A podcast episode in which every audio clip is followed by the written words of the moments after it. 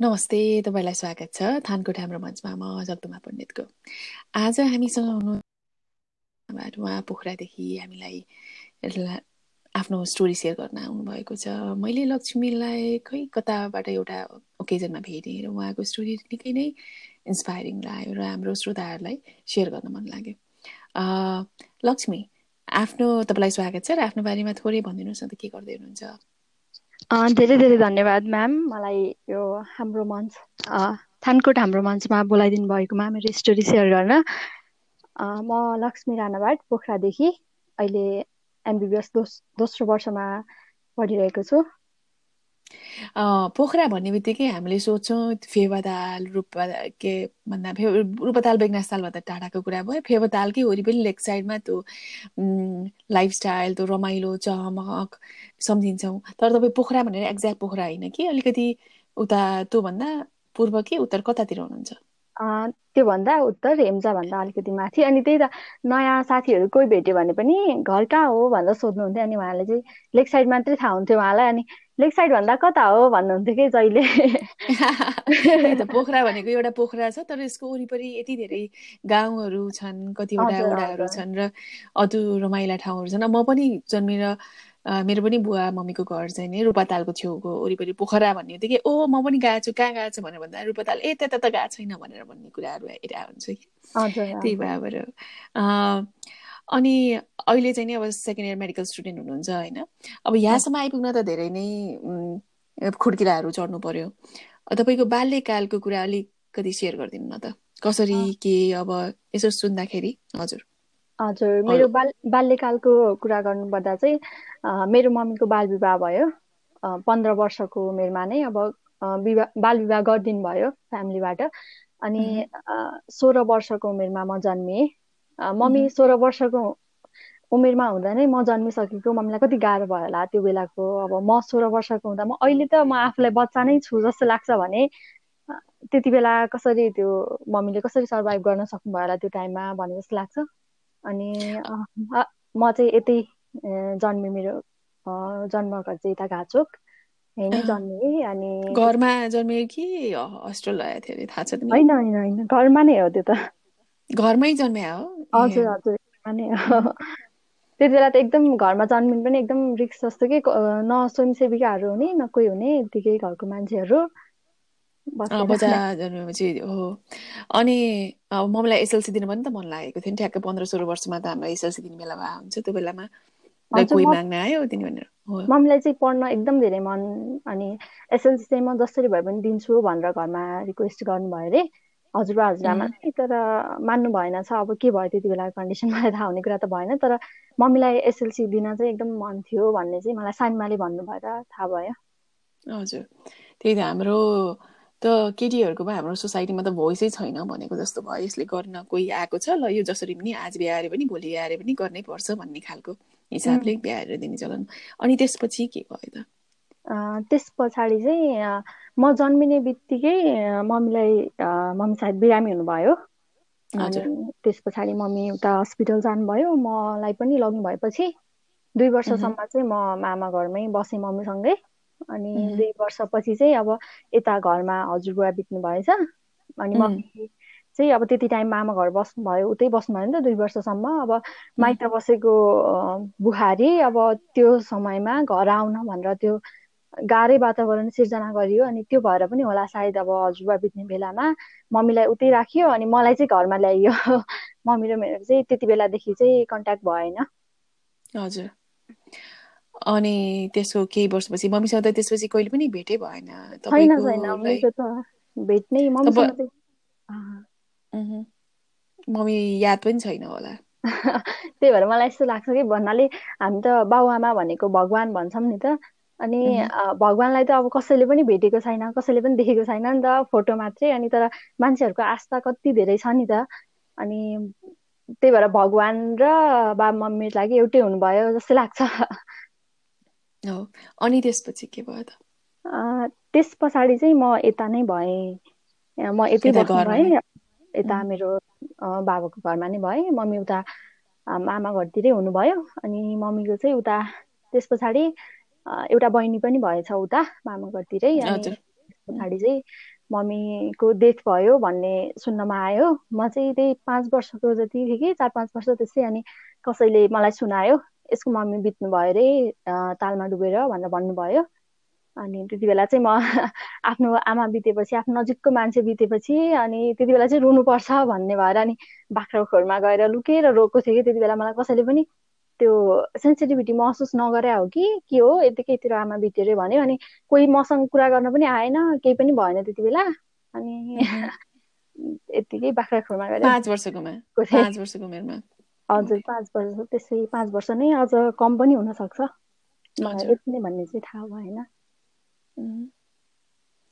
अनि यतिखेर बुवा हुनुहुन्थ्यो कि? हुनुहुन्थेन। बुवाको चाहिँ कस्तो भयो भने यता जब हजुरबा बित्नु भएर मलाई यता ल्याइयो अनि मम्मी पनि मामा घरमै हुनुभयो अनि बुवा त्यही हजुरबा बित्नु भयो भन्ने खबर पाएर आउनुभएको थियो। अनि त्यस पछाडि सायद बुवाले मम्मीलाई भेट्नु भयो भएन त्यो त मलाई थाहा भएन तर दुई वर्षपछि चाहिँ बाबा इन्डिया जानुभयो भन्ने सुने त्यस पछाडि चाहिँ मसँग कन्ट्याक्टमा हुनुहुन्न। भनेपछि कसरी अब त अहिले यो संसारमा अब दुई वर्ष उमेरदेखि नै एक्लै गरी खा भनेर छोडेको जस्तो भयो नि बाबामा नै साथमा नभएपछि त हुन त धेरैजना अरू परिवार त थिए। तर कसले हुर्कायो त त्यो फर्मेटिभ इयरमा जहाँ तपाईँको ब्रेन डेभलपमेन्टदेखि लिएर एट्याचमेन्ट उसमा गर्दाखेरि you're left alone to navigate yourself होइन लाइफमा हजुर कसरी गर्ने भनेर? म चाहिँ हजुरआमासँग नै हुर्केँ बच्चा हुँदादेखि नै अनि अनि कस्तो थियो त बच्चा बेलामा? अब गाउँघरमा त त्यही त हो नि। ए मेलापात गर्नु पर्यो घाँस काट्नु पर्यो भैँसी दुहुनु पर्यो भैँसीको गोबर फाल्नु पर्योदेखि लिएर यो त पन्ध्रबाट पानी ल्याउनु पर्यो अनि धान रोप्नु पर्यो परेको बेलामा सबै थोक गरियो त कस्तो भयो? त्यो त गर्नु एकदम परि नै हाल्यो भन्नाले अब एकदम त्यो चाहिँ मेरो दैनिक कार्य जस्तै थियो त्यो सबै कुराहरू चाहिँ स्कुल बाहेकको टाइममा। स्कुल चाहिँ म जसरी भए पनि म भोकै भएर पनि भएर भए पनि म बिरामी भएको भएर भए पनि स्कुल चाहिँ मलाई जानै पर्थ्यो अनि शनिबार पनि नआए हुन्थ्यो। शुक्रबार किन एक बजे छुट्टी हुनु परेको होला भने जस्तो हुन्थ्यो कि स्कुल टाइम चाहिँ। तर त्यो अब अरू घरमा गर्नुपर्ने कामहरू त्यो त सबै नै गर्नु पर्यो त्यो नगर्ने भन्ने त भएन। स्कुल नगएको बेलामा त फेरि घरमा काम गर्नु पर्यो नि त फेरि होइन स्कुल भनेको त एउटा काम फ्री थियो ब्रेकको लागि पनि जान पाइयो। सायद त्यो भएर पनि होला मलाई अहिले यसो सोच्दाखेरि स्कुल मलाई मन परेको त्यो भएर पनि हो कि अब घरमा कसैको कुरा सुन्नु परेन स्कुल भनेको छुट्टै संसार भयो नि त। अब सर म्यामहरूले कति धेरै माया गर्नुहुन्छ आफ्नै काम भनेको पढ्ने र लेख्ने मात्रै हुन्छ साथीहरू हुन्छ। त्यो भएर पनि होला जस्तो लाग्छ अनि भनेपछि पढ्न चाहिँ एकदम रमाइलो लाग्ने पहिलेदेखि पढ्न खोज्ने अनि मेरो ह्यान्ड राइटिङ चाहिँ एकदम नराम्रो पहिलेदेखि। अनि ह्यान्ड राइटिङ म कसरी सुधार्न सक्छु भनेर कहिले स्केल राखेर लेख्थेँ कहिले एकदम त्यो लाइनभन्दा तल कहिले लाइनभन्दा माथि म कसरी ह्यान्ड राइटिङ राम्रो बनाउन सक्छु भनेर चाहिँ एकदम त्यो गर्दा हुन्थ्यो। अनि पढ्न चाहिँ स्कुल त्यो जानु नपर्ने हुन्थ्यो भने चाहिँ कहिले भएन। अनि यता घर चाहिँ मन नपर्ने कारण चाहिँ यताउता यदि मिल्छ भने कस्तै भएको भने के सुन्नु नपर्ने के गर्नु नपर्ने भनेर। कस्तो थियो अब?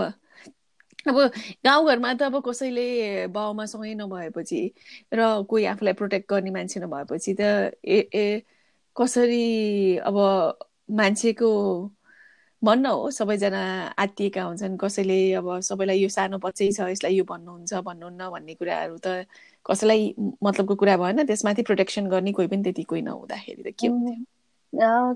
कस्तो हुन्थ्यो भने अब उहाँहरूले त अब मलाई हुर्काउनको लागि भनेर मेहनत गरेँ भन्ने उहाँहरूलाई फिल हुन्छ होला। अब त तर मलाई त फेरि जति गरे पनि मलाई चाहिँ खोइ केही गर्नु भएन जस्तो त मलाई कमी कमी महसुस भएको त्यो त हुन्छ नि त।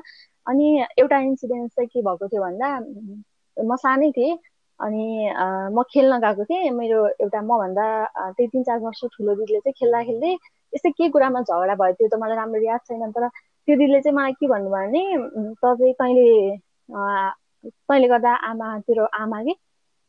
आमा टोक्कै होस् त तेरो बा त जन्मेपछि तैँले गर्दा हराएको हो त अलक्षिणी होस् भन्ने तरिकाले भन्नुभयो अनि एकदम धेरै चित्त दुख्यो कि त्यति बेला अनि आएँ घर आएर चाहिँ मलाई त्यो दिदीले यस्तो भन्नुभयो भनेर भने।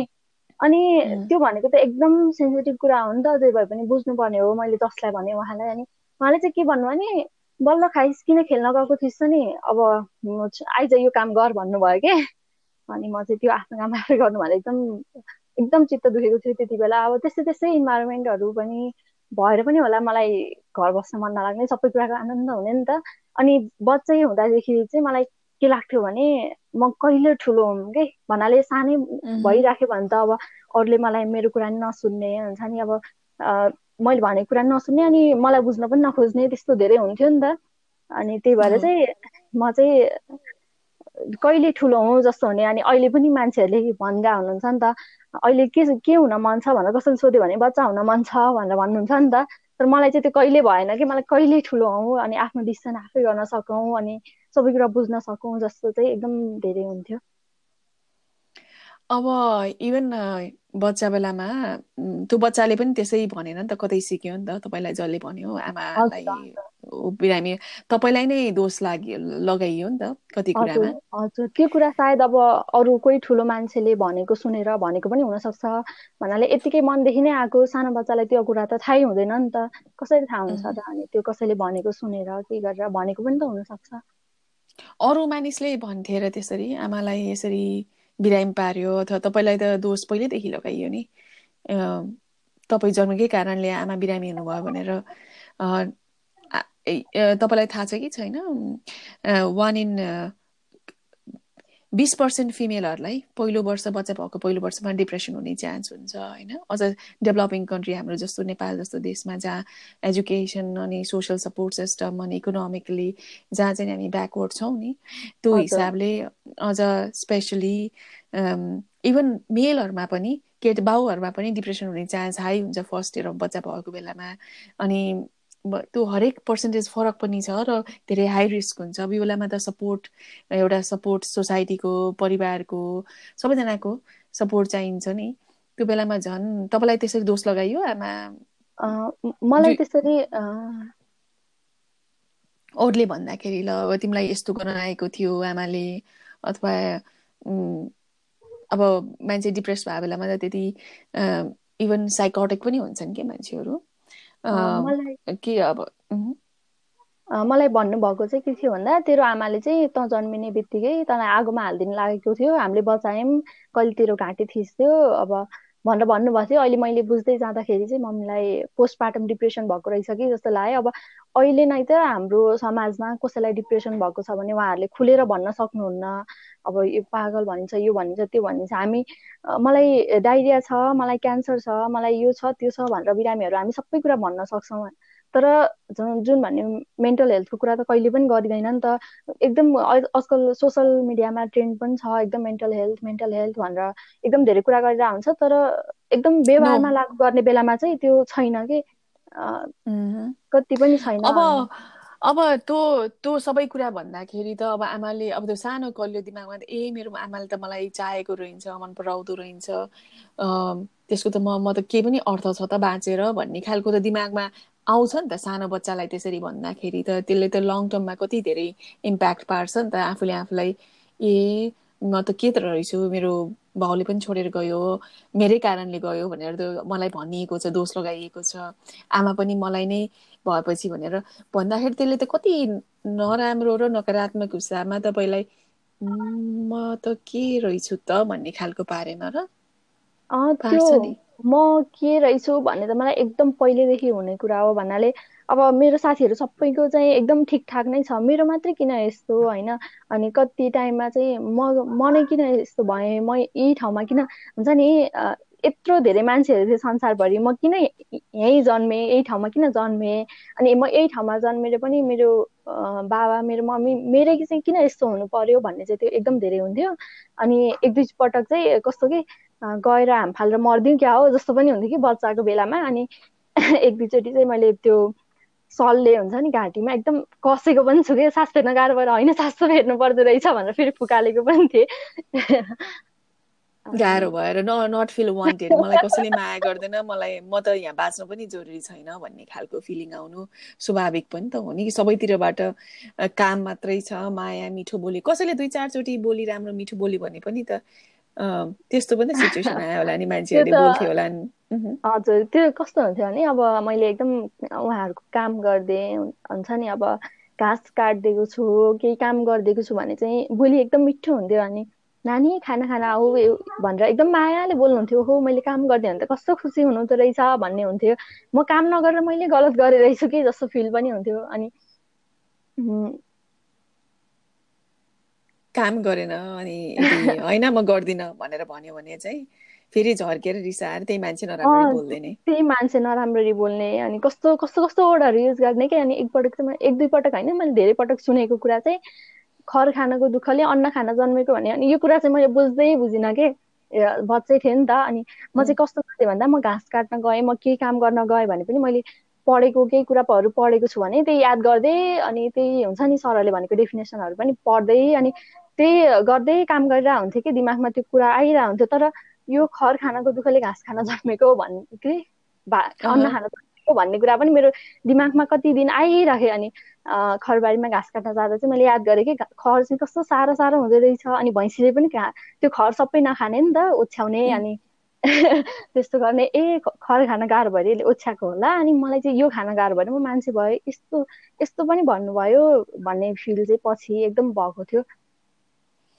तर अब त्यही कुरा पनि अहिले आएर तर कसैले पनि यस्तो भयो भनेर हजुरआमासँग आएर कहिले भन्नुभयो कि भएन यो कुराहरूले? अथवा हजुरआमाको पनि अब कहाँ हुनुहुन्थ्यो? मेन्टल्ली प्लस इमोसनल्ली एजुकेसनल्ली सबै कुराबाट त त्यो सपोर्ट दिनको लागि अथवा कुकिङ स्किलको लागि होइन यस्तो छैन।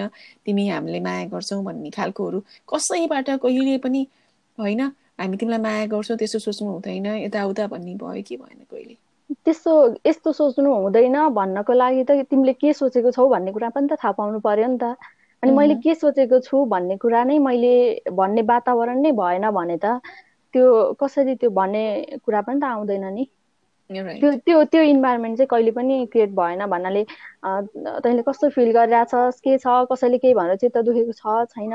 त्यो कुरा चाहिँ कहिले पनि सोधिएको प्रश्न भएन मेरो लागि चाहिँ। त्यही त।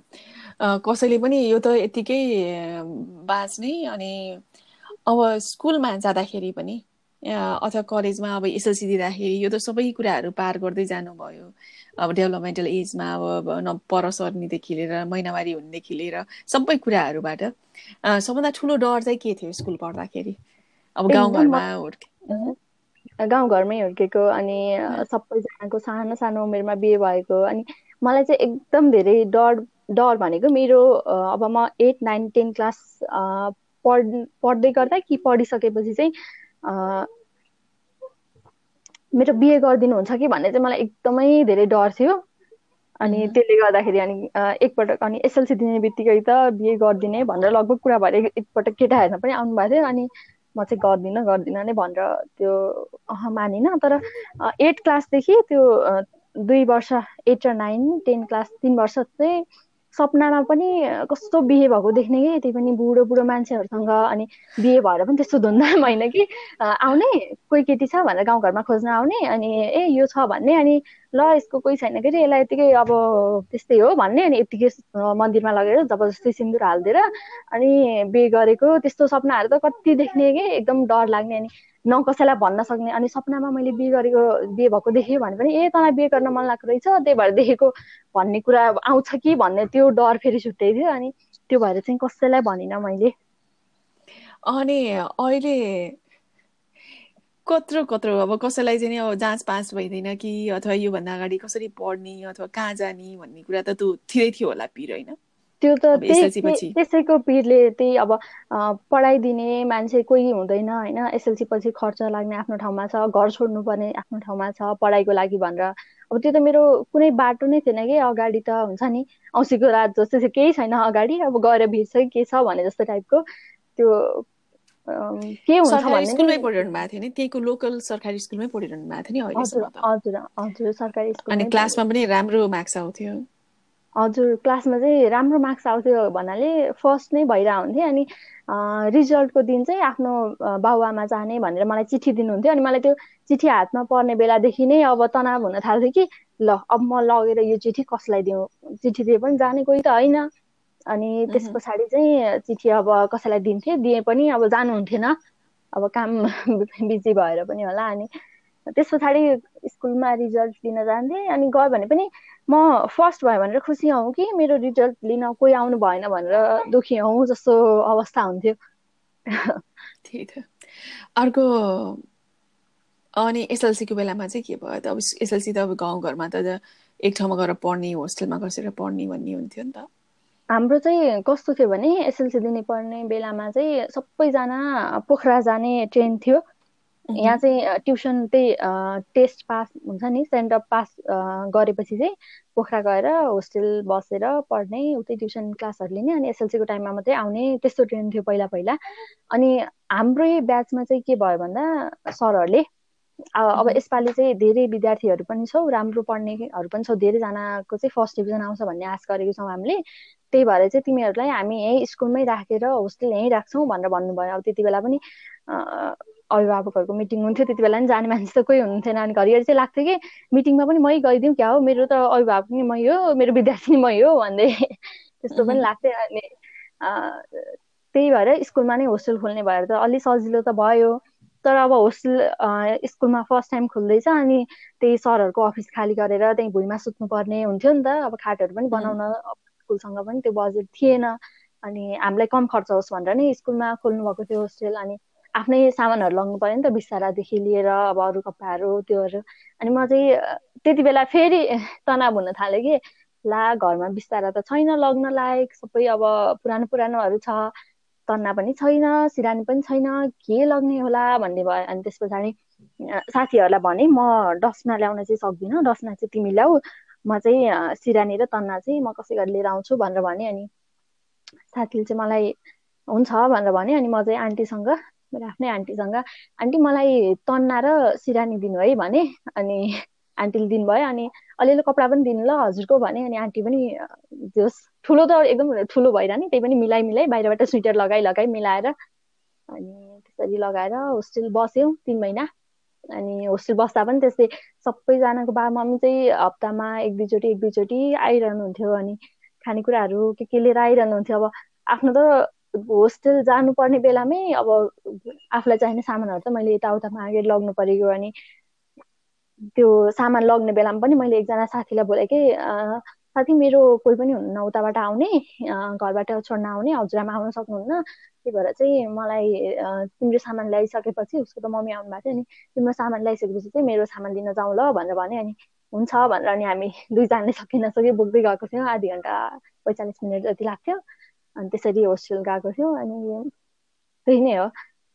फी तिर्ने बेलामा पनि कस्तो हुन्छ नि महिनाको सात हजार थियो अनि त्यही तिर्न पनि अब होस्टेल त बसेँ म कसरी तिर्ने होला भन्ने भइरहेको थियो अनि अङ्कललाई भने अनि अङ्कलले चाहिँ पठाइदिनु भयो। अनि त्यसैमा हजुरआमाको वृद्ध भत्ता थपेर अनि त्यसरी चाहिँ होस्टेल फी तिरेर अनि आएको थिएँ। त्यसरी एसएलसी पनि राम्रै मार्क्स ल्याएर पास भएँ। अनि रिजल्ट आए आउनुभन्दा अगाडि नै अब कति साथीहरू त ब्रिज कोर्स गर्न जानु भएको थियो नि त। तिन महिनाको टाइम बिचमा ग्याप हुँदाखेरि अनि त्यति बेला चाहिँ अब म त एसएलसी चाहिँ त्यस्तो गरिदिएको अब पोखरा गएर कसकोमा बस्नु अनि कहाँ बस्नु अनि फेरि त्यो भर्ना गर्ने ठाउँमा कहाँबाट पैसा दिनु त्यो त एकदमै धेरै चुनौती जस्तै थियो नि त। अनि त्यो भएर चाहिँ मेरो मेरो साथीहरू त सबैजना अब जो हामीसँगै पढेको एकदम मेरो साथीहरू सबैजना चाहिँ जानुभयो अनि म चाहिँ यतिकै यता नै भएँ अनि मेलापात गर्ने कसैको खुर्सानी गर्न जाने कसैको धान रोप्न जाने कुदो रोप्न जाने गरेर चाहिँ तिन महिना बित्यो। तर एकदमै धेरै त्यो तिन महिना चाहिँ एकदमै धेरै तनाव भएको समय थियो कि मेरो लाइफ के हुन्छ नि अब के हुन्छ भन्ने अनि त्यही तिन महिनाकै बिचमा चाहिँ ल बिहे गरिदिने भन्ने कुरा पनि भएको थियो घरबाट। अनि तर म आफै मानेन। मान्छे पनि हेर्न आएको थिएँ। आउनुभएको अनि मलाई चाहिँ कस्तो लाग्यो भने त्यो जो हेर्न आउनुभएको थियो उहाँको आमाले चाहिँ अनि मलाई मेरो हात समाउँदै अनि नानी म तिम्रो हात माग्न आएको भन्नुभयो है। अनि त्यो बच्चाहरू त पहिला पहिला अब हुन्थ्यो नि लग्थ्यो नि त अनि काम गर्न लग्ने अनि भाडामा के के काम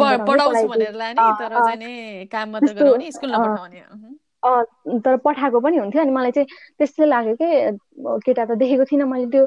त्यति बेला सोचेको भन्नाले ल आउँछ होला भन्ने चाहिँ सोचेको थिइनँ कोही पनि अनि त्यस्तो भन्दा चाहिँ अनि ला मलाई त्यस्तो गरिदिनु लाग्नु भयो क्या हो लग्न अब गएर मैले काम गर्नुपर्छ क्या हो सोचेको त पछि म तिमीलाई बुहारी बनाउँछु यताउता भन्न थाल्नुहुन्छ अनि त्यस पछाडि होइन अनि त्यसो आफै निकालेँ अनि होइन होइन आमा म अहिले त बिहे गर्दिनँ म।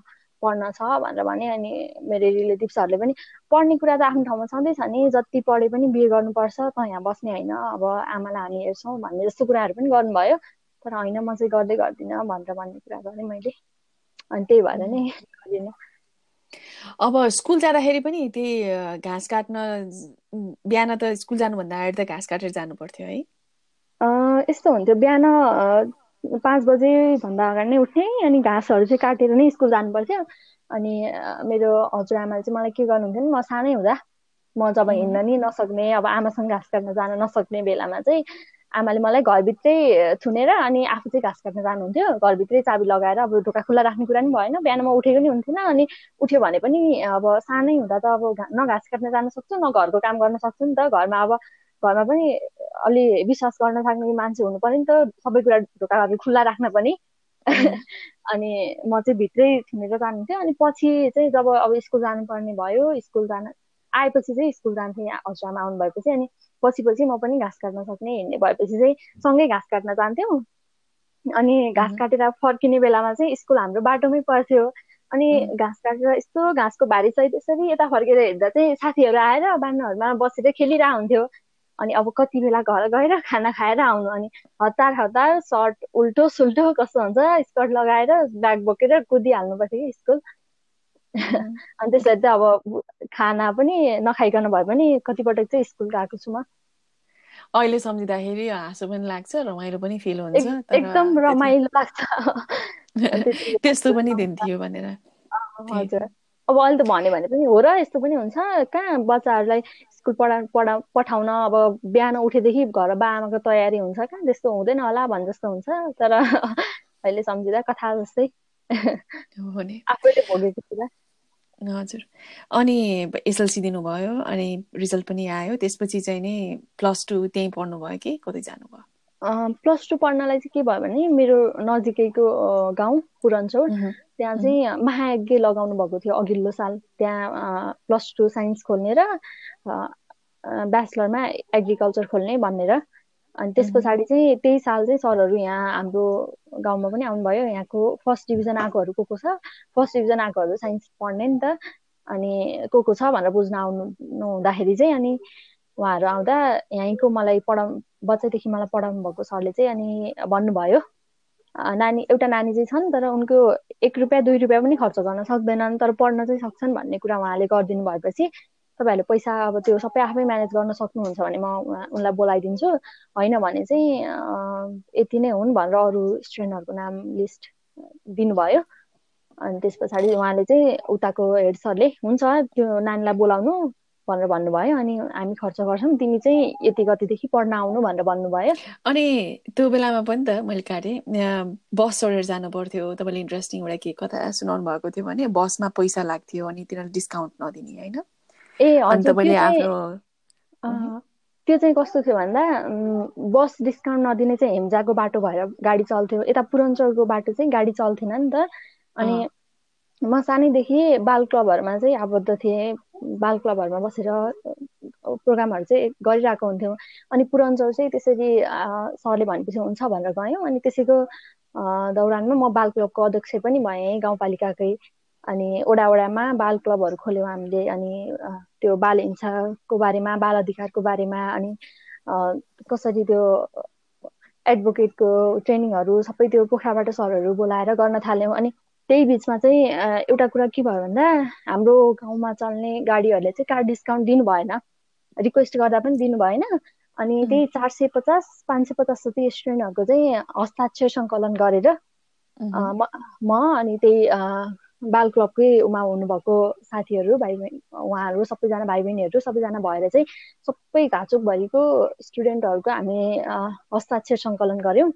अनि त्यस पछाडि चाहिँ त्यसको प्रतिवेदन लेखेर अनि हामीले त्यति बेला गाविस थियो नि त अहिले पो गाउँपालिका भयो। अनि गाविसमा अनि त्यस पछाडि जो जसको बस छ नि उहाँहरू सबैजनालाई अनि यातायात पृथ्वी त्यो यातायात कार्यालयमा सबै ठाउँमा दियौँ। हामीलाई थाहा थियो त्यो दिएर केही पनि हुँदैन भन्ने तर एउटा अफिसियल त उता पुरा गर्नु पर्यो नि त। त्यो दिएर हुँदैन थाहा थियो भने त्यो गऱ्यौँ। अनि त्यस पछाडि चाहिँ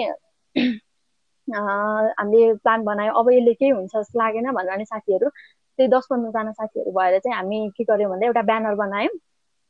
सबै कालो ब्यानरमा चाहिँ अनि हाम्रो माग पुरा गर भन्ने लेखेर अनि गएर चाहिँ मर्दी खोलामा गएर सबैजना बिहानै यहाँबाट हिँडेर अनि मर्दी खोलामा गएर गाडी रोक्ने भन्ने कुरा भयो आन्दोलन जस्तै। अनि हामीले प्रहरीहरूलाई चाहिँ पहिले नै भनेको थियौँ। जस्ट स्कुलको बच्चाहरू मात्रै यो चाहिँ? स्कुलकै बच्चाहरू हजुर। झन् कति सानो सानो भाइहरू पनि थियो कि हुन्छ नि कस्तो सानो सानो भाइहरू पनि ल दिदी हुन्छ भन्दै अनि आइरहेको थियो। ठुलो मान्छेहरू त मेरै एजको पनि कोही हुनुहुन्थेन सबै भाइहरू मात्रै हुन्थ्यो।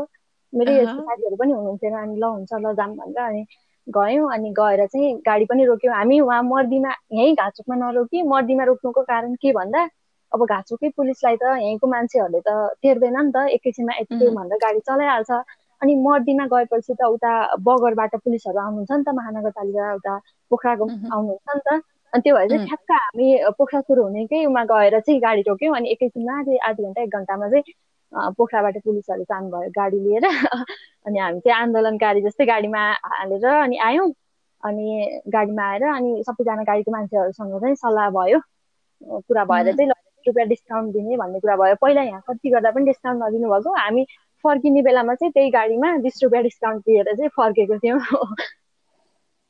त्यतिखेर पनि त अब स्कुलमा जाँदा आउँदाखेरि पनि त डेढ घन्टा दिनमा तिन घन्टा त हिँड्नै पर्थ्यो नि होइन? घरबाट टाढा थियो नि। डेढ घन्टा दुई घन्टा जस्तो त लाग्थ्यो। सुरु सुरुमा चाहिँ हामी जाने आउने गऱ्यौँ।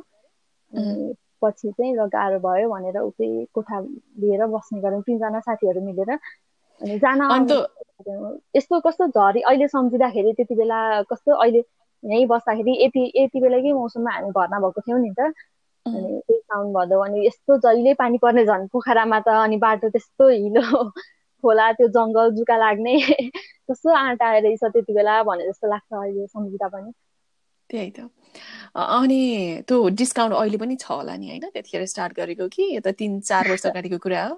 कि छैन? त्यही चार वर्ष अगाडि पुरा कस्तो भयो भन्दा म यहाँ भइन्जेल चाहिँ डिस्काउन्ट भयो। म गएको त्यही चार पाँच महिनासम्म पनि डिस्काउन्ट भइराखेको रहेछ। पछि चाहिँ अनि म जब काठमाडौँ गएँ अनि काठमाडौँ इन्ट्रान्सको लागि भनेर काठमाडौँ गएँ अनि त्यस पछाडि यता कलेजमा भएँ। त्यति बेलासम्म चाहिँ यहाँ कार डिस्काउन्ट हुन छोडिसकेको रहेछ किन भन्दा तेल भाडा बढ्यो के भयो त्यही विभिन्न न्यु पारेर। अनि त्यस पछाडि चाहिँ म यहाँ गाउँ आउँदा चाहिँ सबैजनाले लक्ष्मी त हुँदा त यहाँ भाडा डिस्काउन्ट हुन्थ्यो यो त भएन फेरि आन्दोलन गर्नु पर्यो भन्नुहुन्थ्यो कि म एक हप्ताको लागि गाउँ आउँदा पनि घर आउँदा पनि। अनि अहिले त अब कोरोनाको यस्तो भयो अनि अहिले त झन् डबल त्यस्तै थियो। आफ्नो लागि मात्र नभएर अरूको लागि पनि यति धेरै काम गरिरहनु भएको रहेछ। अनि अर्को स्कुलमा अरू केहीको वरिपरिमा आएको स्कुलमा आएको बेलामा अरू के के गर्नुहुन्छ त? अरू मान्छेहरूलाई हेर्दाखेरि त हो लक्ष्मी जस्तो हुनुपर्छ भन्ने त हुन्छ नि त गाउँमा सबैजनाले चिन्छन् पनि। हजुर त्यो चाहिँ चिन्नुहुन्छ। म स्कुल हुने टाइममा चाहिँ के गर्थेँ भन्दा यही बाल क्लबहरूको हामी गरेर आउँथ्यौँ नि त प्रोग्रामहरू पनि। अनि हामी सरसफाइ गर्थ्यौँ गाउँहरू सबै। डस्टबिन पनि हुन्थेन बोरामा उगेर भए पनि प्लास्टिक टिप्थ्यो। अनि मलाई चाहिँ के लाग्थ्यो भन्दा अब जस्तै कसैले फोहोर फालिरहनु भएको छ अनि उहाँभन्दा सानो मान्छेले गएर बुवा यो फोहोर नफाल्नु न यस्तो नगर्नु न भन्यो भने त उहाँलाई अलिकति लाज भएर पनि त त्यो गर्नुहुन्न भन्ने चाहिँ लाग्थ्यो।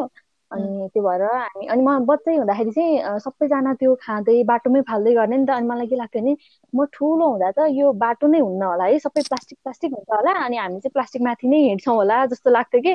किनकि टिप्ने मान्छे कोही हुन्थेन नि त। अनि स्कुलमा चाहिँ कहिले काहीँ हप्ताको एकचोटि हामी स्कुल वरिपरि मात्रै टिपेर आउँथ्यौँ फोहोरहरू त्यस्तो लाग्थ्यो कि। बच्चा हुँदा चाहिँ अनि सफाइको काम गर्ने। अनि पोखराबाट त्यो सर म्यामहरू बोलाउँथ्यौँ यता गाविसकोबाट बजेट छुट्टिएको हुँदो रहेछ टेन पर्सेन्ट। अनि म अध्यक्ष भएपछि नै थाहा भयो त्यो कुरा पनि। अनि त्यही बजेटहरूलाई युटिलाइज गरेर विभिन्न कार्यक्रमहरू गर्थ्यौँ बाल दिवसको बेलामा अनि नारी दिवसको बेलामा। तपाईँले थाहा पाउनुभन्दा अगाडिको त्यो बजेट चाहिँ कहाँ जान्थ्यो त? त्यो बजेट चाहिँ कस्तो हुँदो रहेछ भन्दाखेरि हाम्रो गाउँघरतिर बाटो भन्छ नि अनि बाटोमा को लागि पनि बजेट छुट्टिन्छ अनि त्यो पनि बजेट छुट्टिन्छ अनि त्यो त्यो बालबालिकाको बजेट अनि महिलाको क्षेत्रमा छुट्टिएको बजेट चाहिँ यो बाटो महिलाहरू पनि हिँड्छन् बालबालिकाहरू पनि त हिँड्छन् भनेर चाहिँ बाटोकै लागि बजेटमा हालिदिनु हुँदो रहेछ। अब त्यो? बाटोमा त्यो कति कुरा त हामीलाई थाहा नै नभइकन हामीले आफ्नो अधिकार के छ कहाँ के भइरहेछ भन्ने थाहा नै नपाएर यत्तिकै रहेछ बजेट छुट्याए पनि ठाउँमै पुगेको हुँदो रहेछ। अब तपाईँले थाहा पाउनु भयो र तपाईँ त्यहाँ पुगेर थाहा पाउनु भयो नत्र त्यहाँ नपुगे थाहा नपाउने। अब त्यही कुरामा हजुरले एउटा भन्नुभएको थियो नि एउटा साथी बित्नु भएको थियो दुई कक्षामा हुँदाखेरि अनि हजुर। साथी चाहिँ त्यही दुई कक्षामा हुँदा सायद के भएर बित्यो भन्ने त थाहा छैन तर मलाई उसको याद चाहिँ एकदम धेरै आइरहने उसँग एक दुई दिन अगाडि खेलेको एकअर्कालाई बोक्दै क्लास घुमेको गीता बिक अनि कस्तो त्यो अनि खाजा खान गएको अनि हामी चाहिँ के कुरा गर्थ्यौँ भन्दा खाजा सबैजनाले कोहीले मकै ल्याउने कोहीले प्याज लगाउने अनि कोहीले चिउराहरू सबै कुरा ल्याउने कसैले नुन ल्याउने अनि त्यो सबै खाजा चाहिँ एकै ठाउँमा मोलेर खाने कि त्यो खाजा होइन त्यति बेला चटपटे भन्ने पनि थाहा थिएन तर सबैको खाजा मिसाएर खाने के भन्नाले सबैलाई बराबर हुन्छ नि त सबैको खाजा मिसिन्छ त्यो चटपटे भन्ने पनि थाहा थिएन तर मकै चिउरा त्यो सबै के प्याज सबै कुरा चटपटे भन्ने पनि त्यति बेला थाहा थिएन नि त।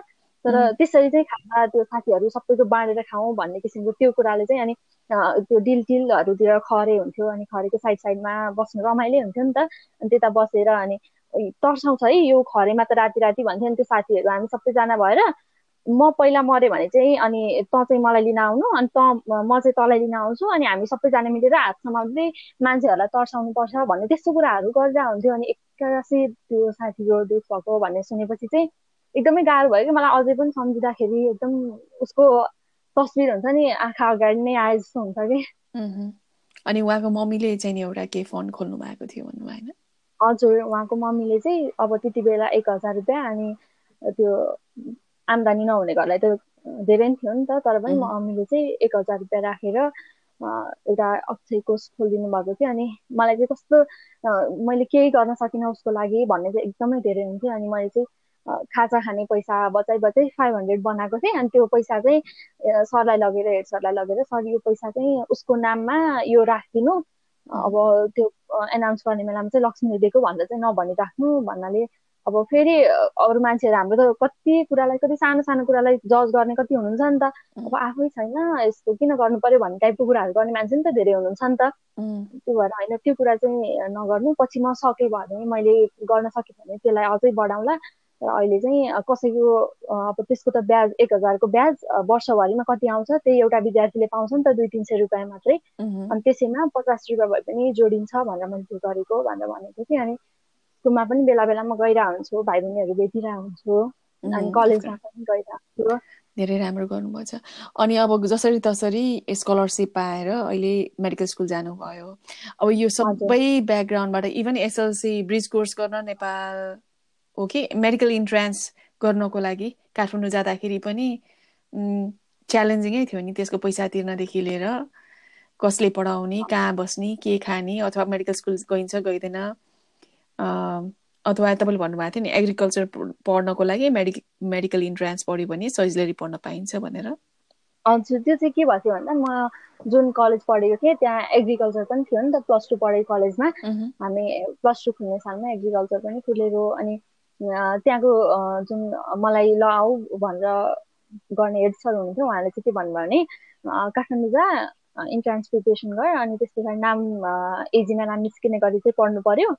अनि त्यस पछाडि यहीँ ल्याबमा काम गर्ने प्लस टूको ल्याबमा काम गर्ने अनि बिहान बिहानहरू चाहिँ कलेज पढेर अनि त्यसो गरेर पनि तैँले आफ्नो खर्च पनि हुन्छ अनि पढ्न पनि छोड्नु पर्दैन भन्ने कुरा गर्नुभयो।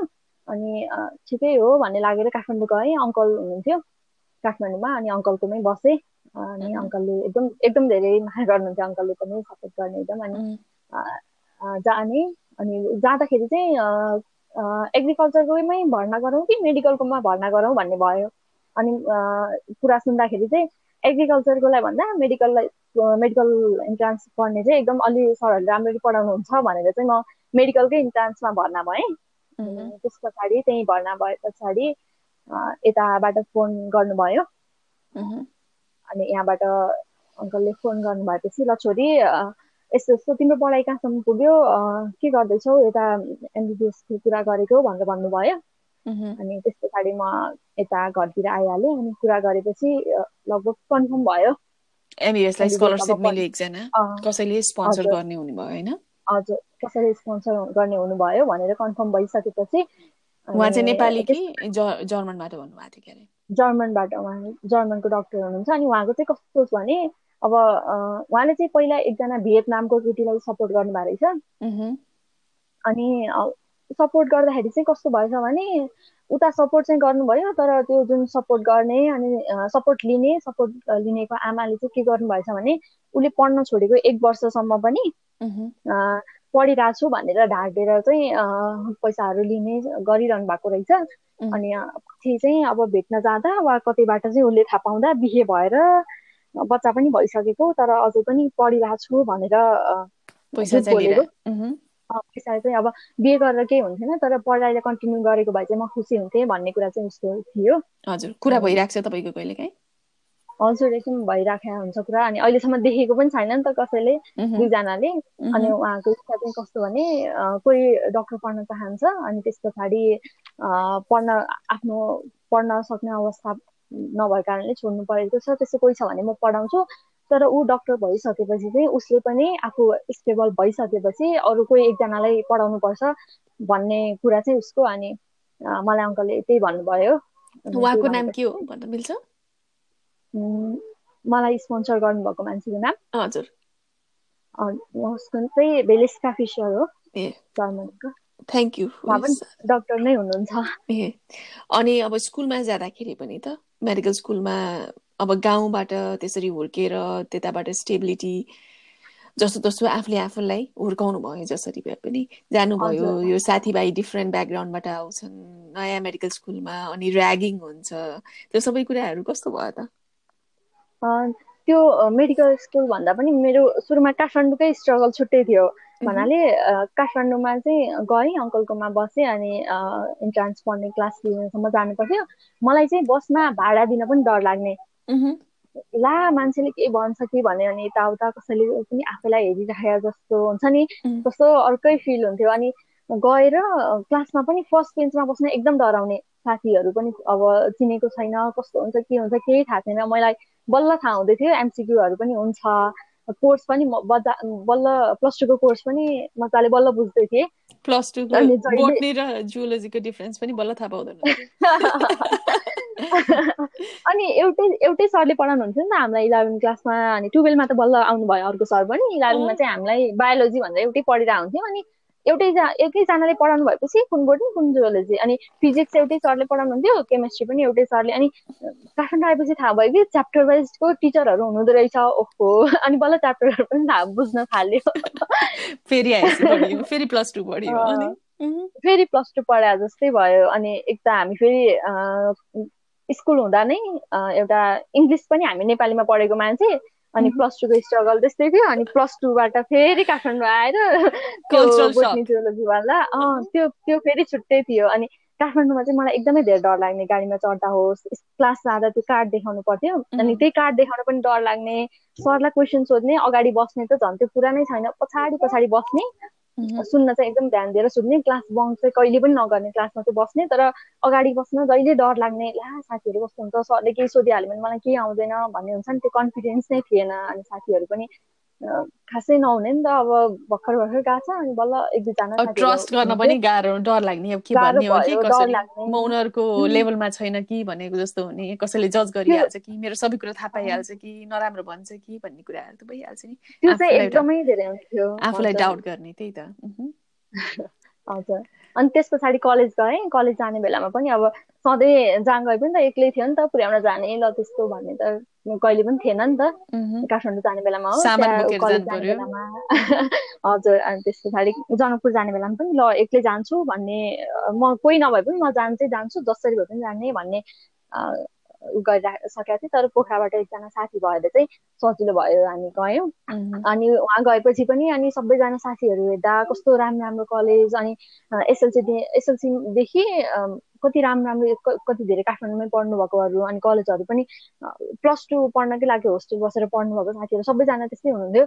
अनि कस्तो एकदमै डर लाग्ने ला म सक्छु कि सक्दिनँ होला भन्ने एकदमै धेरै डर लाग्ने अनि साथीहरूसँग झ्याप्पै बोलिहाल्नु पनि कस्तो डर लाग्ने। बोल्न चाहिँ म तर म म यस्तो विक छु भन्ने कुरा चाहिँ मैले कहिले पनि देखिनँ। बोल्न चाहिँ एकदम राम्ररी बोलिहाल्ने सबैजनासँग अनि तर पनि भित्रभित्र चाहिँ के हुन्छ कि उनीहरूभन्दा म कमजोर छु भन्ने चाहिँ त्यो एकदमै धेरै फिल हुने कि अब होस्टेल वार्डेनलाई फोन आउनेदेखि कुरा लिएर त्यो धेरै कुरा हुन्छ नि त।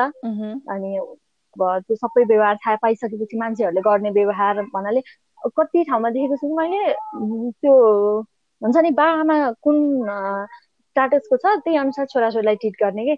बा आमा अब अलि राम्रो फ्यामिलीको छ राम्रै छ भने चाहिँ छोराछोरीलाई त्यही अनुसारको ट्रिट गर्ने अब बा आमा अलिक कमजोर त्यस्तो छ भने त्यही अनुसारको ट्रिट गर्ने त्यो धेरै देखेको छु कि मैले। अनि त्यो कुरा चाहिँ मलाई एकदम डर लागिरहेको हुन्थ्यो अनि पछि पछि अनि बिस्तारै पढ्दै तर पढ्न चाहिँ पढिराख्ने पढिराख्ने त्यति बेला त फोनहरू पनि राम्ररी चल्थेन त्यो मेरो फोन पनि अनि धेरै फेसबुकहरू पनि सबै केही पनि चलाउँथिनँ।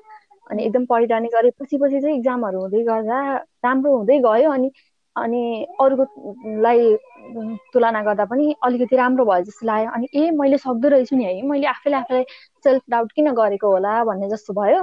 अनि पछि पछि चाहिँ अब त अहिले त एकदमै ठिक भइसक्यो होइन म त धेरै राम्रो गर्न सक्छु यति मात्रै फरक रहन्छ भन्ने भयो। अनि यो ऱ्यागिङ ऱ्यागिङहरू पनि हुन्छ नि एकदम मेडिकल स्कुलमा त्यस्तो एक्सपिरियन्स गर्नु पर्यो कि परेन। ऱ्यागिङ मैले ऱ्यागिङ त हाम्रो पनि भएको थियो। एकदम शिर नेउऱ्याउनु पर्ने अनि सर म्याम भन्नुपर्ने। दाई दिदीहरूलाई सिनियरहरूलाई दाई दिदी भन्यो भने चाहिँ म तेरो घर काम गर्ने हो भन्ने तरिकाले त्यस्तो भन्ने। अनि सर म्याम भन्नुपर्ने थर्ड बटन हाम्रो के भन्छ? आफूभन्दा ठुलोलाई सर म्याम भन्नुपर्ने? मतलब सिनियर दाई दाई दिदीलाई दाई भन्ने होइन दिदी भन्ने दिदी भन्ने म तेरो घर काम गर्न आउने हो तेरो मम्मीले मलाई पाएको हो भन्ने जस्तो भन्ने? त नै भनेर भन्दै नि? वाउ। कतिसम्म चाहिँ मान्छे इग्नोरेन्ट हुन सक्छ त्यहाँसम्म जान सक्छ भन्ने कुरा भयो क्या खास?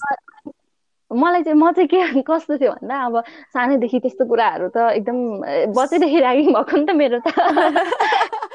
इमोसनली टर्चर भइरहेको अहिले हाँस्न सकिन्छ त्यही त।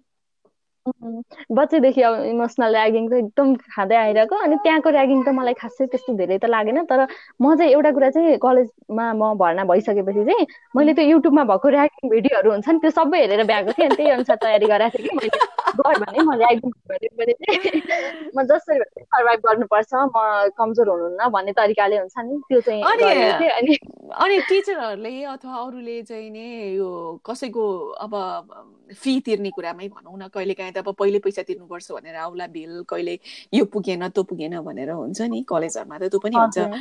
अब त्यो बेलामा टिचरहरूले ए बाउमा के गर्छ? भनेर त्यसरी डिस्क्रिमिनेसन गर्ने सोध्ने त्यस्तो के भेटाएको छ छैन? एक्सपिरियन्स त्यस्तो डिस्क्रिमिनेसन भन्दा पनि सायद उहाँहरूले पनि त्यस्तो रङ गर्नुभएको होला जस्तो लाग्दैन। किनकि अब बच्चाहरूलाई देख्ने बित्तिकै तेरो बा के गर्नुहुन्छ आमा के गर्नुहुन्छ भनेर त सोधिरहेको हुन्छ नि त। तर कुन टपिक गएर बोल्न गइरहेको हुन्छ? तर कुन टपिक एकचोटि चाहिँ के भएको थियो भन्दा मैले फीको कुरा गर्नुपर्ने बेलामा चाहिँ एकदम अगाडि नै फी माग्नु भएको थियो हाम्रो।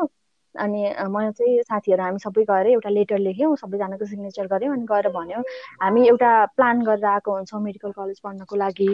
अनि हजुरहरूले चाहिँ अगाडि नै फी माग्दा हामीलाई समस्या हुन्छ भनेर भनेको थिएँ। अनि चेयरम्यान सरलाई कुरा गर्दा गर्दा चाहिँ सरले त्यो कुराको रिप्लाई खासै होइन यस्तो होइन कलेजलाई समस्या परेर हो भन्दा भन्दा। अनि म नै बोलिरहेको थिएँ किनकि साथीहरू त अब अगाडि गएपछि बोल्नुहुन्थेन खासै धेरै। अनि म नै बोलिरहेको थिएँ अनि सरले चाहिँ कुरा गर्दा गर्दा तिम्रो बा के गर्नुहुन्छ भनेर भन्नुभयो। अनि कस्तो म चाहिँ त्यो बेलासम्म कस्तो थियो भने बा कि आमा भनेर सोध्यो भने चाहिँ आँखाबाट थाहा नपाइकन आँसु आउने हुन्थ्यो कि। अनि अहिले त त्यो एकदम कम भइसकेको छ। अनि आँखाबाट आँसु आयो सबै साथीहरू त्यहीँ थियो कति साथीहरूलाई त थाहा पनि थिएन एक दुईजनालाई मात्रै थाहा थियो। अनि अनि आमा के गर्नुहुन्छ भनेर सोध्नुभयो कि फेरि?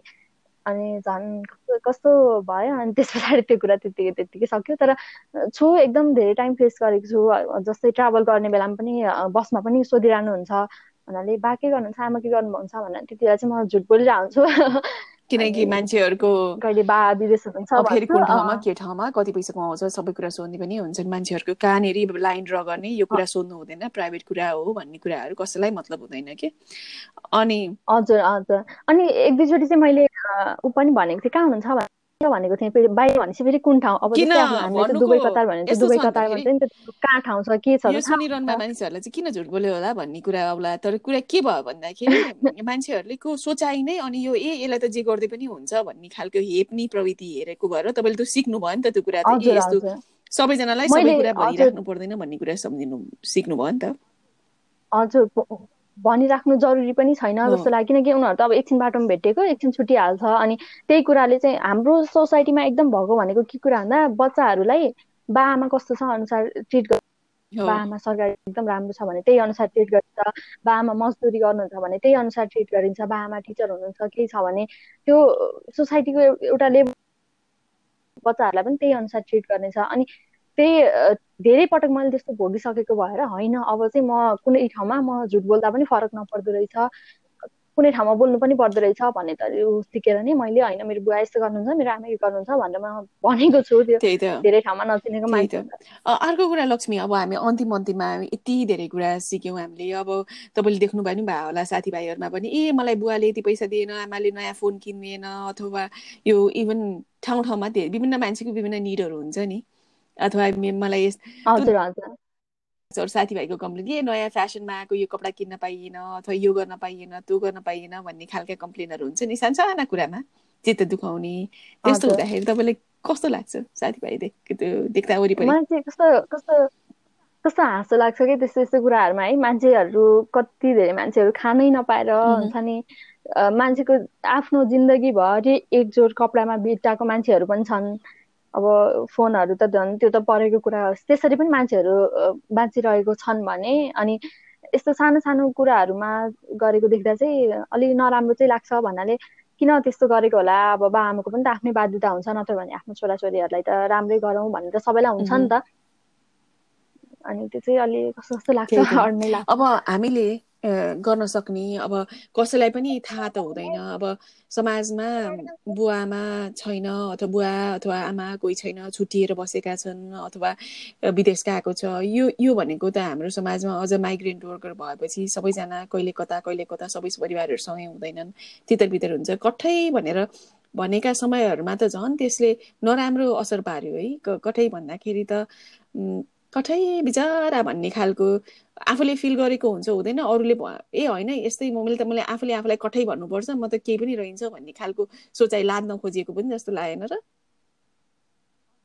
हजुर त्यो त्यो कुरा चाहिँ कस्तो भने अब हामी त अब जस्तै मेरो लागि बा आमा भगवान् जस्तै मैले देखेको पनि छैन भगवान् त्यही फोटो देख्ने त्यस्तो भइरहेको हुन्छ नि त तर पनि त मेरो कल्पनामा कतै कतै मेरो बा आमा त हुनुहुन्छ नि त कतै कतै मैले के गर्दा यतिकै आफैसँग कुरा गरेर हुन्छु गरेर हुन्छु केही भयो भने म लेखेर च्यातेर फाल्छु यो कुरा पुग्छ होला भन्ने तरिकाले अनि अनि त्यस्तो हुँदाखेरि चाहिँ के लाग्छ भने मेरो बा हुनुहुन्न आमा हुनुहुन्न भन्ने तरिकाले हामी पनि त अरू बच्चा त फिलिङ्स त त्यही हो नि त बच्चाको त।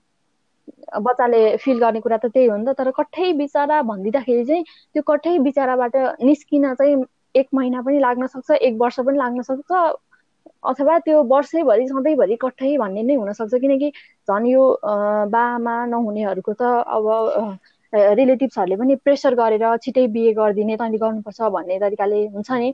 त्यस्तो गर्ने त पहिला गइदियो हुन्थ्यो भन्ने तरिकाले केही गल्ती काम गर्यो भने पनि। त केही केही गल्ती काम गर्यो केही अब जानी नजानी केही अन्जानमा गल्ती भयो भने पनि त अनि यो पहिला जान्छ यस्तो गर्छ उस्तो गर्छ भनेर एकपटक चाहिँ एकपटक चाहिँ के भएको थियो भन्दाखेरि यो योसँग रिलेटेड कुरा त होइन त्यही पनि मलाई सेयर गर्न मन लाग्यो। नारी दिवसको बेलामा थियो अनि त्यति बेला चाहिँ वक्तित्व कला महिला सञ्जालले चाहिँ आयोजना गर्नुभएको थियो। अनि टपिक के थियो भन्ने कुरा चाहिँ मैले ठ्याक्कै याद आएन। तर त्यति बेला चाहिँ मैले हिलारी क्लिन्टनहरूको नामहरू चाहिँ थाहा थिएन को हुनुहुन्छ भने तर नामहरू रटी रटी मैले त्यो कुराहरू भन्दै थिएँ। अनि एउटा कुरा चाहिँ मलाई के भन्न मन लाग्यो भने अहिले जातभातको कुरामा चाहिँ अब धेरै त महिलाहरू नै अग्रसर हुनुहुन्छ नि त। ए यो यस्तो गर्यो उस्तो गर्यो भन्ने। अनि मैले चाहिँ त्यति बेला के कुरा भने भने अहिले अब यहीँ हामीले यही कार्यक्रम हुँदै गर्दै पनि कोही दलित महिलाले वा पुरुष कसैले खाजा ल्याउने बेलामा पनि ल्याउनु भयो भने चाहिँ पुरुषहरूले चाहिँ त्यो खानुहुन्छ मजाले नै खानुहुन्छ तर महिलाहरू चाहिँ पछि पछि हट्नुहुन्छ ए यो त यसले ल्याएको रहेछ है भयो यसले छोको नि के खानु? भनेर पछि पछि सर्नुहुन्छ। हामी यो हुन्छ नि परिवर्तनको कुराहरू त गर्छौँ तर मैले यो कुरा अहिले यहीँ नै कति देखिरहेको छु भन्ने कुरा चाहिँ त्यो प्रोग्राममा मैले त्यति बेला भनेँ अनि म घर आइसकेपछि चाहिँ अनि अब बाल क्लबहरूमा पनि एक्टिभ नै हुन्थेँ नि त म अनि नेतिनी भइस है त नेतिनी भइस अरू जे जे कुरा भने पनि त्यो त्यत्रो धेरै मान्छेको माझमा गएर त्यत्रो कार्यक्रममा गएर चाहिँ यस्तो कुरा नभन्दैन हामीलाई लाज हुन्छ भनेर भन्नुभयो कि। अनि त्यो त बन्द गर्न जसले मलाई अब अँ बोल्ती बन्द गर्न लागेको जस्तो जसले मलाई झगडा पर्दाखेरि त दमैसँग पहिला जान्छस् न कामीसँग पहिला जान्छस् भनेर त्यो कुराहरू भनिरहनु हुन्थ्यो उहाँहरूले नै म प्रोग्राममा गएर त्यो बोलेपछि चाहिँ त्यस्तो भन्नुभयो कि। अनि झन् अह म यो कुरा चाहिँ छोड्दै छोड्दिनँ झन् भन्न कम गर्दिनँ भन्ने भयो।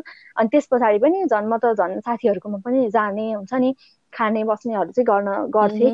गाउँघरमै पनि। कुनै पनि फरक छैन नि हामीहरूमा। अझ अर्को कुरा भन्नुभएको थियो जस्तो दुध खायो उस्तै हुन्छ भन्ने कुरा पनि त थियो नि अर्को। हजुर हजुर। त्यो बच्चा हुने बेलामै अब मम्मी बिरामी भन्नु भयो अनि म त अब मम्मीकै अब सुरुमा जन्मिने बित्तिकै त मम्मीकै दुध खाएँ नि त। अनि त्यस्तो बेलामा पनि गाली गर्नु पर्दा अब जस्ताको दुध खाए त्यस्तै हुने भन्ने कुराहरू। बिहान उठेन भने ल हरियो बाँस काटा यो मरि भन्ने जस्तो कुराहरूदेखि लिएर त्यो एकदम धेरै थियो त्यही भएर मैले भने नि इमोसनल ट्यागिङ त म बच्चैदेखि खाँदै आएको थिएँ। इमोसनल एब्युज हो त त्यही त। तर बावजुद पनि तपाईँ आफ्नो मलाई यो म गरेर देखाउँछु मैले गर्नै पर्छ भनेर तपाईँले आफ्नो जिन्दगीको न्यारेटिभ हुन्छ नि आफैले बदल्नु भयो र आफैले जहिले भन्न मन लाग्छ र जसलाई जति भन्न मन लाग्छ त्यति मात्र भन्नुहुन्छ नि। आज हामीलाई सेयर गरिदिनु भयो। मलाई आशा छ सबैजनाले धेरै कुरा सिक्नुभयो होला र हामीले कति कुराहरू त ग्रान्टेडको रूपमा लिन्छौँ र कसैलाई बाटोमा स्कुलमा बसमा गाडीमा चढेर तपाईँ जानिरहनु भएको छ कोही स्टुडेन्टलाई घर भाडा के अरे गाडीको भाडा तिर्न गाह्रो भइरहेको छ अथवा तपाईँको घरमा कोही भाडा लिएर बसिरहेको छ भने तपाईँले त्यो भाडालाई चाहिँ नै त्यो मान्छेको के भइरहेछ कसैलाई दिक्क लागिरहेको छ भने के भइरहेको छ भनेर ए मिठो बोलेर राम्रो काइन्डली मात्र कुरा सुनिदिँदा मात्र पनि धेरै फरक पर्छ नि होइन लक्ष्मी? त्यस्ता पनि त समय छ नि तपाईँको कसैले माया गरेर सुनिदिएका कुराहरू त्यो त धेरै नै फरक पार्छ। मलाई मेरो एकजना सर र म्याम हुनुहुन्छ उहाँहरूले चाहिँ एकदम आफ्नो छोरी जस्तै गरी अब कोही न कोही गाइड गर्ने मान्छे त चाहियो नि त तर उहाँहरूले चाहिँ मलाई केही अप्ठ्यारो पर्दा मेरो घरमा यस्तो भयो उस्तो भयो भनेर चाहिँ म जहिले भन्ने मेरो कन्फ्युज गर्ने ठाउँ चाहिँ एकजना अनि एकदम धेरै माया गर्नु। उहाँ उहाँ चाहिँ मालती लम्साल र शारदा प्रसाद लम्साल हुनुहुन्छ अनि एकदमै धेरै सपोर्ट गर्नुहुन्छ के भयो भने म यस्तो भयो उस्तो भयो भनेर भन्न गइरहन्छु। सानो सानो कुराहरू पनि सोधिरहेको हुन्छु उहाँहरूले त्यो जति बेला एसएलसी दिने बित्तिकै म तिन महिना त्यसरी बसेको टाइममा पनि कति धेरै टाइम गइरह हुन्थेँ अनि म्यामले त झन् मलाई बच्चैदेखि काखमा राख्दै पढाउँदै आइरहनु भएको। अनि बच्चा बेलामा पनि म घरमा प्रब्लमहरू भयो भने चाहिँ सबै म्यामलाई नै सुनाउँथेँ कि। अनि म्यामले चाहिँ कस्तो राम्ररी सुन्नुहुन्थ्यो। ए हो यस्तो भयो। त्यति बेला त हामीलाई सुनिदिने मान्छे चाहिन्थ्यो नि त। अब घरमा भन्नु कसैले सुन्दैन। साथीहरू अब त्यही बेलामा तपाईँ सानोमा हुँदाखेरि तपाईँलाई त साँच्चीकै मन मन लागेको त होइन नि। तर त्यो बेलामा चाहिँ होइन बाँचेर पनि के सार रहेछ त? यस्तो जिन्दगी पनि के बाँच्नु त? कतैबाट कसैले माया गर्दैन? केही वास्ता छैन। के के आशै नदेखेर औँसीको रात जस्तो भन्ने भएर त्यस्ता झनक्क रूपमा केही केही कुराहरू गरिएका हुन्छन् नि त होइन? Episode impulsively. तर अहिले हेर्दाखेरि त बाँचेर त धेरै कुरो थाहा पाइदो रहेछ धेरै कुरा देखिँदो रहेछ चाहेको कुरा पनि त आफूले मिहिनेत गर्यो भने पाइदो रहेछ भन्ने कुरा सिकियो नि होइन? हजुर। अनि म चाहिँ राति कस्तो हुन्थ्यो भने कहिले काहीँ एकदम मम्मीको याद आयो भने याद आउने भन्दा त्यस्तो केही सँगै भएको टाइमहरू त याद छैन तर पनि कस्तो कति न कतै कता कताबाट त्यो याद आउने भन्ने चाहिँ हुँदो रहेछ कि अरूको देखेर भए पनि। अनि आज चाहिँ म मम्मीलाई सम्झेर रातभरि रुन्छु भन्थेँ अनि बिहान त निदाइसकेका हुन्थ्यो नि त निधाएर बिउजे त चाहिँ ला म त रातभरि रुन्छु भनेको कस्तो निदाइहालेछु है भन्ने जस्तो हुन्थ्यो कि त्यति बेला। अब अरू जनावरको पनि आमा र बच्चाको त्यो बन्डिङ देख्दाखेरि पनि अरू बच्चा आमाको हेर्दाखेरि पनि त तपाईँलाई गाह्रो त गाह्रो भइहाल्छ नि। तर बा त्यो त्यो एकदम तपाईँले रिपिटेडली भन्नुभयो बाबामा नभएको। तपाईँको बाबामा नभएको त होइन नि त। बुवामा त हुनुहुन्थ्यो। उहाँलाई रोग लाग्यो कसैलाई के भयो? उहाँहरू एडल्ट हुनुहुन्थ्यो। उहाँले कति स्ट्रेसहरू खप्न सक्नु भएन। हाम्रो सोसाइटीले सपोर्ट प्रोभाइड गर्न सकेन। फ्यामिलीले सपोर्ट गर्न सकेन। र उहाँहरू आफ्नो बाटो लाग्नुभयो। उहाँले जे गर्नुभयो त्यो तपाईँको दोष पनि त होइन नि। खास कुरा चाहिँ नि आफूमा दोष मैले गर्दाखेरि भएको भनेर आफूले आफूलाई दोष पनि लगाइन्छ कतिपय समयमा तर तपाईँले त केही पनि गर्नु भएन नि? जे गर्नुभयो उहाँहरूको चोइस थियो। र हाम्रो सोसाइटीले हाम्रो समाजले फेल गरिदियो। उहाँलाई हामीले जुन सपोर्ट गर्नुपर्ने थियो त्यो गर्न सकेन सक्षम भएन। र अझै पनि केही पनि गर्दैनन् कसैले पनि अथवा त्यो सोचाइ पनि आउँदैन कि ए हामीले केही गर्नुपर्छ भन्ने कुराहरू होइन? अब यो सुनिरहनु भएकोहरूलाई केही भन्नु छ? दुई लास्टमा अब एक मिनटमा हामीसँग धेरै टाइम छैन सुनिरहनु भएकोहरूलाई चाहिँ म के भन्न चाहन्छु भने हाम्रो सबैको लाइफमा केही न केही प्रब्लम हुन्छ। मेरो लाइफमा पनि केही थियो होला। हजुरको लाइफमा पनि केही छ होला। त्यो प्रब्लम नै नहुने। एकदम आनन्दको जीवन छ भन्ने कसैको केही पनि हुँदैन। त्यो कहीँ न कहीँ प्रब्लम त हुन्छ नै।